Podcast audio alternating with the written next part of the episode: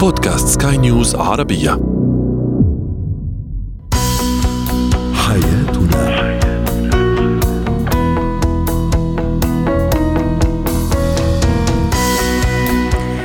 مستمعينا الكرام أهلا بكم. معنا إلى برنامج حياتنا برنامجكم اليومي الذي يعنى بشؤون الأسرة وباقي الشؤون الحياتية الأخرى والذي يمكنكم الاستماع إليه عبر منصة Sky News Arabia dot com slash podcast وباقي منصات البودكاست الأخرى. معي أنا آمال شاب. نتحدث اليوم عن كيفية التحكم في الغضب بين الزوجين. أيضا التعامل مع الطفل الخجول وفي قضية رأي عام نتحدث اليوم عن كيفية مساعدة الأطفال على التأقلم مع ظروف الحجر الذاتي في المنزل. هو وهي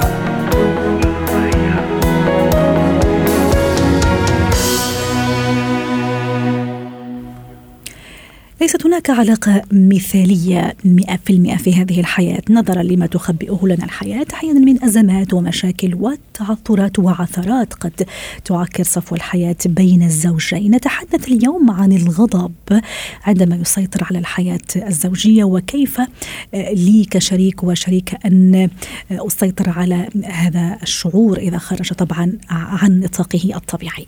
للحديث عن هذا الموضوع تنضم إلينا عبر الهاتف من القاهرة الدكتورة رحاب العوضي أستاذ علم النفس السلوكي. يسعد مساكي دكتورة رحاب. أول شيء الغضب هو شعور طبيعي إذا لم يتجاوز حد معين.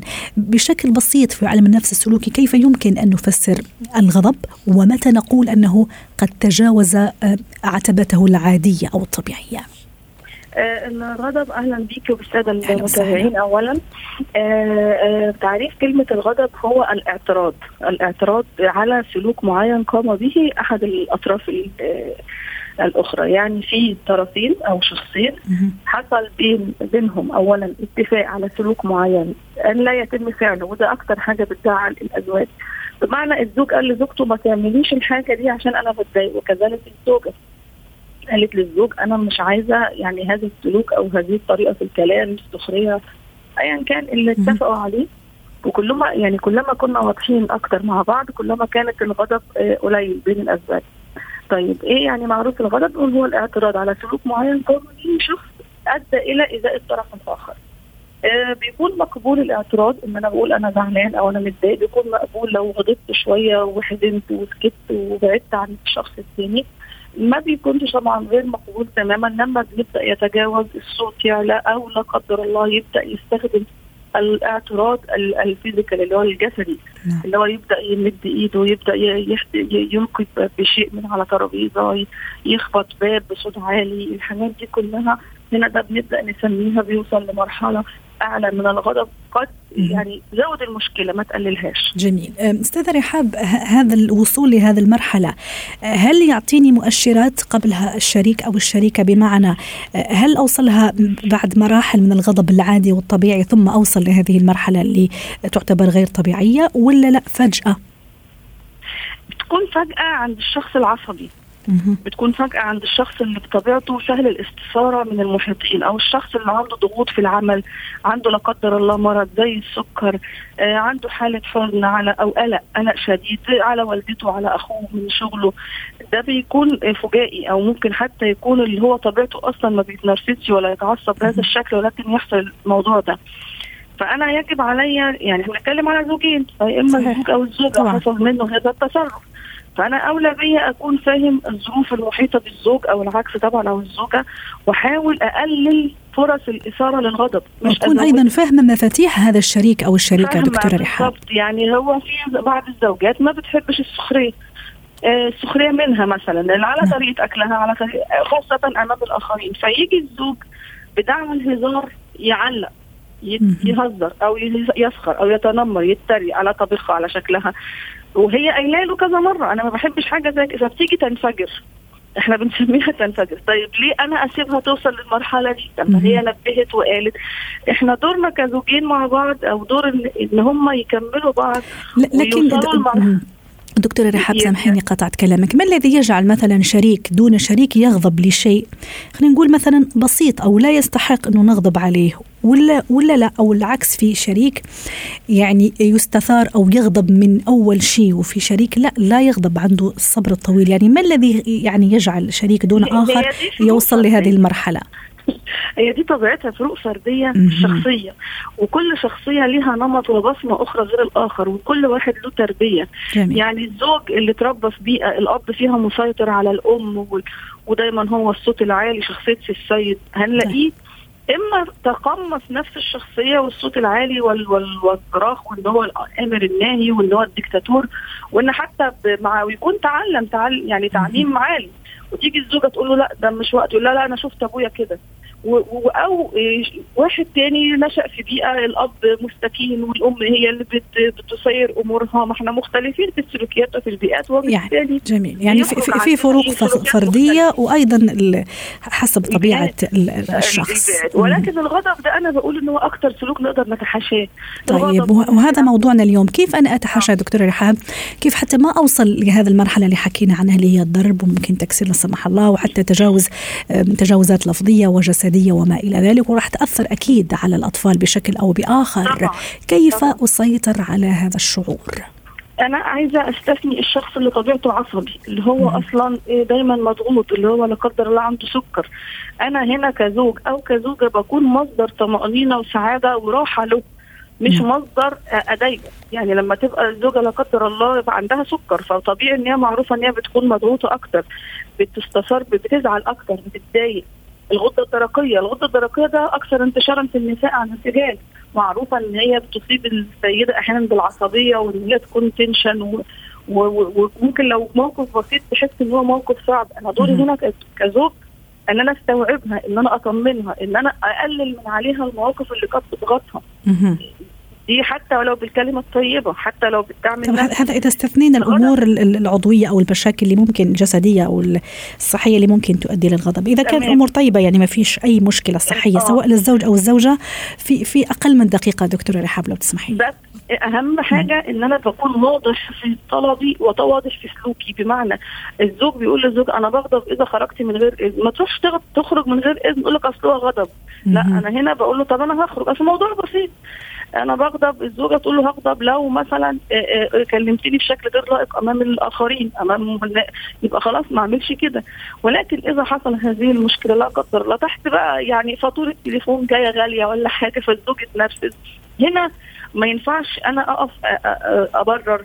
أول حاجة لازم أعملها إن أنا أسكت أو اعتذر أنا كلامي للطرفين يعني المخطئ يسكت أو حتى لو أنا مش مخطئ بس لو وجدت إن الآخر بدأ صوته يعلى بدأ يتنرفز بدأ لا سمح الله يتوجه انه يكسر أسكت وأسكت وأسيب الموقف يعدي وبعد كده أتعاتب. لكن إن أنا أرد في نفس الموقف هتزداد الغضب هتبقى مشكلة كبيرة. مم. الأولاد هتسمع الصوت العالي هتبدأ تخاف هتبدأ تتضايق. يعني موضوع أخذ فترة ربما حتى الإنسان يرجع يتدارك أمره ويهدى ثم الاعتراف أيضا بالخطأ. هذا هذا مهم جدا. ونكون واضحين أيضا في الأمور اللي تخلي كل واحد يغضب من الثاني. شكرا لك دكتورة رحاب العوضي أستاذة علم النفس السلوكي. كنت معنا من القاهرة.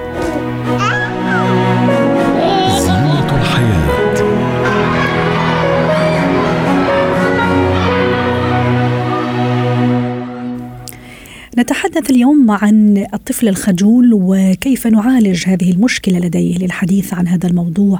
تنضم إلينا عبر الهاتف من القاهرة دكتوره بثينه عبد الرؤوف الخبيرة التربوية. يسعد مساك دكتوره بثينه أهلا وسهلا. أهلا بك. أحيانا لا أستطيع أن أفرق أنا كأم أو أب بين آه، طفلي الهادئ وطفلي الخجول. آه، أحيانا في شعرة معاوية لا أقدر أني أميزها. كيف أعرف انه طفلي هذا ليس بهادئ بل خجول؟ ما هي صفات الطفل الخجول؟ آه، صفات الطفل الخجول اللي هو أما يجي أي حد من الأقرباء مثلا أو صديق أو حد غريب وبتطلب منه إنه يسلم عليه أو يقعد أو في طفل آه، مثلا قد ودخل البيت بس هو أول مرة يشوفه آه، هيبقى لو لو الطفل هادي هتلاقيه يستجيب لك ويروح يسلم على الناس ويقعد هو هادي طبعا. جميل. لكن الطفل الخجول بيبقى رافض تماما إنه يتعامل مع أي حد غريب رافض إن هو يتكلم حد آه، آه، مثلا آه، في, في لو راح المدرسة أول مرة قاعد كده منزوي آه، مش آه، بي- بيخجل إنه يرد على المعلمة بيخجل ان يتعامل مع زمايله. آه، أما الطفل الهادي هتلاقيه يتعامل مرة وهيسلم وهيقعد وهيبقى باين. واضح جدا الفرق بين الطفل الخجول والطفل الهادي يعني هم الطفل الخجول هو طفل لا يتفاعل مع المحيط آه يعني هل هل قد آه. هل يبدو متوتر أحيانا هل في نوع من العدائية هذا الطفل آه الخجول لو لا هو مش عدائية هو. حضرتك لو أنت ضغطت عليه إنه. مثلا يسلم على قرايبك أو يسلم على اصحابك أو أو يروح يكلم هي طبعا بيحصل له عملية توتر وضغط نفسي آه. وفي يعني حالات بتبقى بتصل يعني لل عايز أقول لك ان بعض الولاد بيجيلهم تشنجات من كتر وهو ضاغط على نفسه عصبيا ورافض ال- الام بتعمله أو الأب بيعمله إنه بي بي آه، دفعا للتعامل مع الآخرين فبيبقى مسألة مش صح يعني نعم. يعني اثر سلبي جامد جدا. جميل. طب دكتورة بثينة أم، عادة الطفل يعرف في سن ثلاثة وأربع سنوات وخمس سنوات هو طفل م- يعني منطلق ما عنده قيود يعني هالأشياء اللي حضرتك عم تحكي عنها عادة مش موجودة في هذا الطفل في هذه السن تحديدا. متى أنا يجب علي كأم ألاحظ هذه العلامات اللي تحدثنا عنها قبل قبل قليل اللي قد يعني تشير وتشي بأن هذا الطفل قد يكون خجول؟ أفتكر إن مرحلة التمدرس اللي هي من سن أربع سنين هي هي بداية ظهور هذا الطفل ده. خجول لأن هو بيبتدي يرتبط بالعالم الخارجي. يعني يبتدي يروح ينفصل عن المنزل ويبتدي يروح المدرسة ويبتدي يقابل يعني أطفال ما شافهمش قبل كده بيتعامل مع مع- معلمة ما شافهاش قبل كده. فممكن لو هو عايش في مجتمع محيط مغلق يعني في الأسرة أو ال- ال- الجدة والجد وأولاد العموم إلى آخره فبيبقى هو طفل عادي لكن لما يبتدي يتعامل مع المجتمع الخارجي بيبان هل هو طفل خجول ولا لأ. هل من المعقول إنه يكون طفل عادي دكتوره بثينه مندمج متفاعل مع محيطه حتى في هذه السن اللي تحدثتي عنها في المدرسة وفجأة يصيب هذا الخجل، هل هذا وارد؟ هو وارد في حالة واحدة بس. لو حدث آه، موقف نفسي للطفل ادى أدى إلى التغير السلوكي بالنسبة له.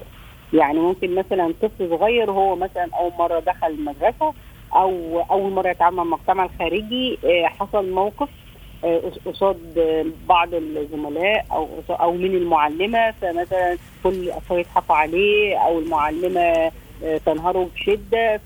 فيحصل له يعني زي ما بنقول كده تغير في السلوك نتيجة إن هو حصل له شبه صدمه نفسيه خفيفه بسيطة وهو صغير طيب. فيبتدي يبقى يتحول إلى طفل خايف يتعامل مع المجتمع أو ما يعرف في علم النفس التربوي آه. بالنقوص آه بثينه. بالضبط، آه طيب آه، آه، أنا كأم وأكيد إحنا عارفين كلنا أنه هذه المشكلة إذا ما تفاقمت إذا ما لازمت الطفل حتى سنوات المراهقة أكيد راح تخلق من من هذا الطفل يعني أو شاب يعني آه، لديه الكثير من المشاكل النفسية والعقد آه، النفسية.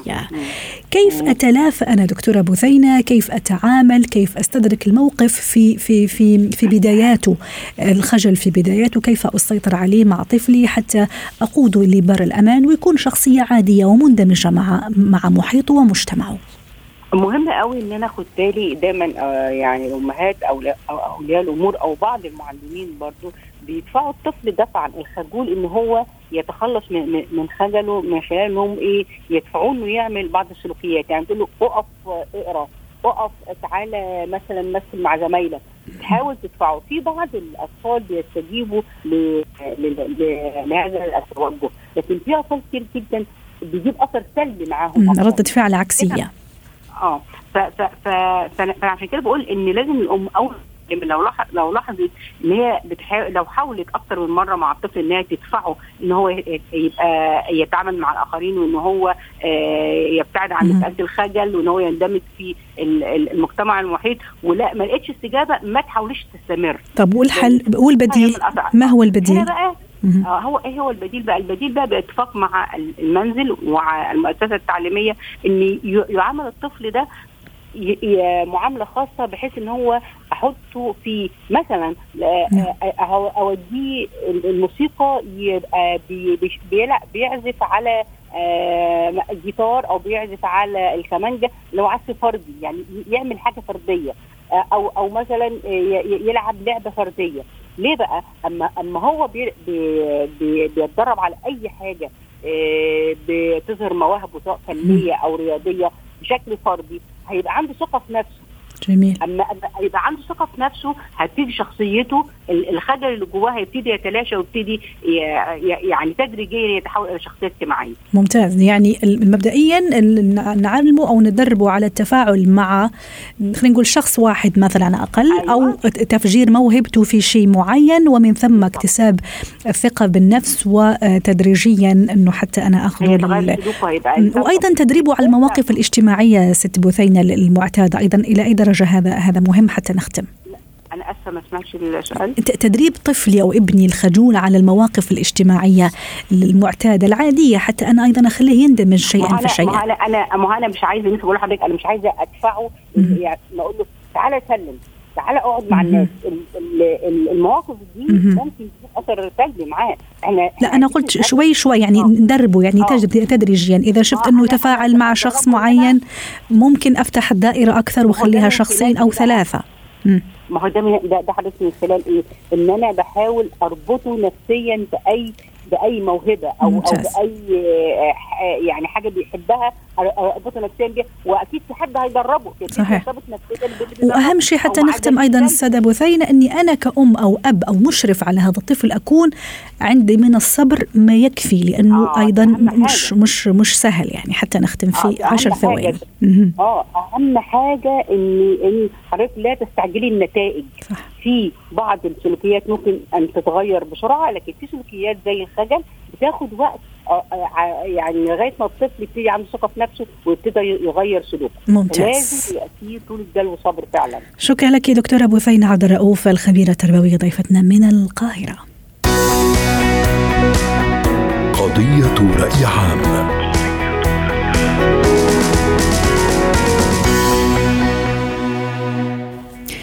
في قضية رأي عام لا تزال كورونا هو الشغل الشاغل لكل العالم ولكل الناس على اختلاف أعمارهم وأطيافهم ومشاربهم ووظائفهم. الحديث اليوم عن الطفل وكورونا أو بمعنى أصح كيف أساعد طفلي على التأقلم مع فترة الحجر المنزلي المفروضة في عدد كبير من الدول حرصا على سلامة الجميع.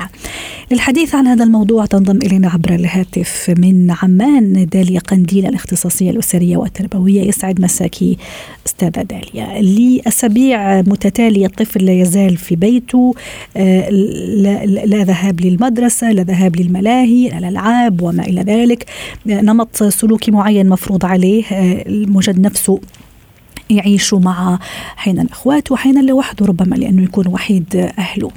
أه، لو تساءلنا أه، داليا ما الذي يكتبه مثلا الطفل على كراسته على ورقه أه، في موضوع كورونا، ماذا تتوقعين يكتب هذا الطفل؟ أهلا وسهلا بك أمان أهلا وسهلا. طبعا في ظل هاي الأجواء الكورونيه أنا بتمنى للجميع إن شاء الله السلامة آه، وللأطفال بشكل بشكل خاص آه، إنه التعامل معهم بصورة آه، إيجابية بهذا الموضوع. ماذا أتوقع أن يكتب الأطفال هذا يعتمد على ماذا تلقوا عن موضوع آه، فيروس كورونا وأنا. أرى بشكل عام أن نبعد الأطفال منهم أقل من عشر سنوات عن موضوع فيروس كورونا بشكل كبير جدا لأن الأخبار نوعا ما محزنة ومؤلمة آه، مع وفاة آه، بعض الأشخاص مع إصابة بعض الأشخاص ربما يكونوا أقارب ربما- يكونوا أصدقاء. فإبعاد الأطفال نوعا ما عن الأجواء بشكل عام آه، وعدم إظهار الحزن بشكل مبالغ فيه أو حتى التخويف أو التهويل مهم جدا في هذه الفترة الحساسة آه، كونها يعني رح تكون طويلة يعني هي عم تتمد تمتد لأسابيع وخصوصا أن نفسية الأطفال ممكن أنها تتأثر آه، ابتعدوا عن أصدقائهم ابتعدوا عن. أجواء المدرسة آه، صار في يعني أجواء مفروضة بشكل يعني خارج عن إرادة الآباء والأمهات وبالتالي أنا من بين الأسئلة التي. طرحت علي أو طرحها أحد الأطفال نعم. أستاذة داليا هل كورونا مثلا يركض وراء الطفل؟ هل كورونا يطير مثلا؟ تصوري يعني نعم هنا هنا, الأسئلة هنا يجب هنا أن يجب ان أن نجاوب الطفل بطريقة منطقية وعلمية، الأطفال أذكياء يعني بيستوعبوا،. لما إحنا نيجي نحكي للطفل مثلا كورونا بتطير، هذه الأشياء بتأثر فعليا على على يعني بتأثر على الطفل بشكل كبير جدا، بتأثر على نفسيته، بصير يتخيل كل ما راح يقوم مثلا يجيب شغلة حتى هو داخل المنزل، إنه نعم. بتخيل شيء مثلا كورونا عم بيلحقه، أو مثلا آه، كورونا رح يصيبه أو ممكن يمسكه أو مثلا بتصير عنده آه، مثل كوابيس أو ممكن ما في اقبل نعم. أخوي الصغير لأنه ممكن كورونا موجود مثلا هذه من بين نعم. الأسئلة نحاول هنا نفكر بتفكيرهم البسيط والعفوي طب نعم. أستاذة داليا الآن في في هذه الفترة فترة الحجر الصحي وكما. قلنا في البداية أنه فترة مفروضة عليهم نمط سلوكي معين تغيرت أشياء كثيرة في حياتهم هم اللي كانوا منطلقين قبل أشهر قليلة كيف أشغلهم داليا كيف اعبي وقتهم إذا صح التعبير بطرق نعم. بسيطة تربوية تعليمية أول شيء طبعا يزوجوا دراستهم لأنه في دراسة عن بعد في كثير من الدول وأيضا اعبي لهم وقت الفراغ بشيء مفيد نعم هلا بالبداية لازم إحنا يعني نشغل الموضوع بطريقة إيجابية. يعني ما نتذمر. يعني هذا هذا الموضوع بيعتمد بشكل كبير على على الأم والأب داخل المنزل أو حتى على الكبار.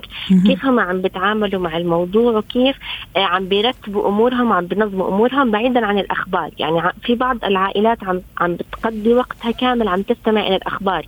وبالتالي هذا الشيء بيأثر بشكل غير مباشر على على الأطفال فهم بصير عندهم عدم قدرة على تنظيم وقتهم، عدم قدرة على حتى التواصل مع الكبار، فيجب وضع خطة روتينية يومية أو حتى ربما أسبوعية آه، من قبل الوالدين مع أطفالهم إنهم يقوموا بنشاطات.